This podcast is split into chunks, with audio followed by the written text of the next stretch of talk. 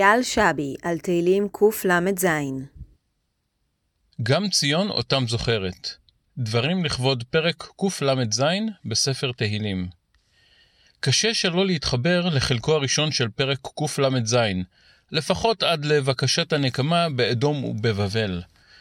בטוחני שרבים מן המאמרים שהועלו היום לאתר מעלים על נס את החיבור של עם ישראל לדורותיו עם זכרה של ירושלים, ואת הפסוקים אותם אומר כל חתן מתחת לחופה.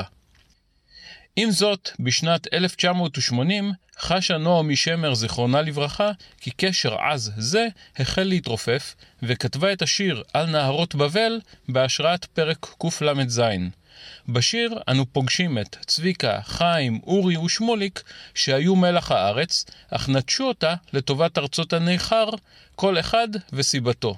בניגוד לגולי בבל הטוענים בפני שוביהם איך נשיר את שיר אדוני על אדמת נכר, אותם יורדים בשירה של נועמי שמר, לא נמנעים מלשיר על הארץ האהובה. בפרק קל"ז, גולי בבל מביעים את געגועיהם העזים לציון. נועמי שמר, בצעד אירוני מדהים, מעבירה את רגש הגעגועים מן הגולים אל ציון, הזוכרת את בניה ומשתוקקת שיחזרו אל חיקה החם.